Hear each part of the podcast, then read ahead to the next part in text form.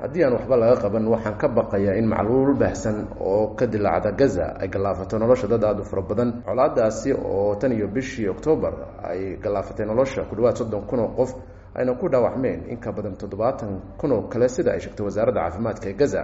Waxaana macluushaasi suuragal tahay in ay khatar kale ku keento dadka dhibanayaasha ah ayuu yidhi ramesh rajazingam oo ah agaasimaha qaybta isku xirka xafiiska bini-aadamnimada ee qaramada midoobay waxa uu khudbad ka jeediyey shirka golaha ammaanka ee qaramada midoobay oo ay soo qabanqaabiyeen dalalka algeria guyana slovenia iyo switzerland iyadoo ay sii kordhayaan walaaca laga qabo in gaajada loo adeegsado hub ahaan dagaalka.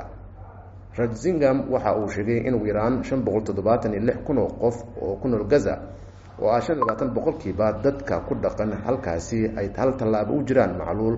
Iyo dhammaantii dadka oo dhan waxay ku tiirsan yihiin gargaarka cuntada bini-aadinimada oo aan ku filnayn si ay u noolaadaan ayuu yidhi. Nasiib darrose si ka xun sida sawirka aan maanta aragno waxaa jira suurtagalnimo kasta oo ay uga sii dari karto xaaladda ayuu yidhi. Gaza waxa ay hadda wajahaysaa heerka ugu xun ee nafaqadarrada carruurta meel kastoo adduunka ka mid ah ayuu yidhi carol scow ku-xigeenka madaxa fulinta ee barnaamijka cunnada adduunka. Hal canug oo ka mid a lixda canug ee ka hooseeya labada jirka ayaa xaalad macluul bahsan haysata. Wax soo saarkii beeraha ayaa sidoo kale yaraaday maurizio martina oo kaaliyaha agaasimaha guud ee hay'adda cunnada iyo beeraha ee qaramada midoobay ayaa sharaxay sida dhammaan silsiladaha sahayda cuntada ee uu saameeyey dagaalka. Beeraleyda ayay israel ku khasabtay inay ka guraan dhulkooda ama waxay ka carareen duqeymaha baabi'iyey dalagyadii.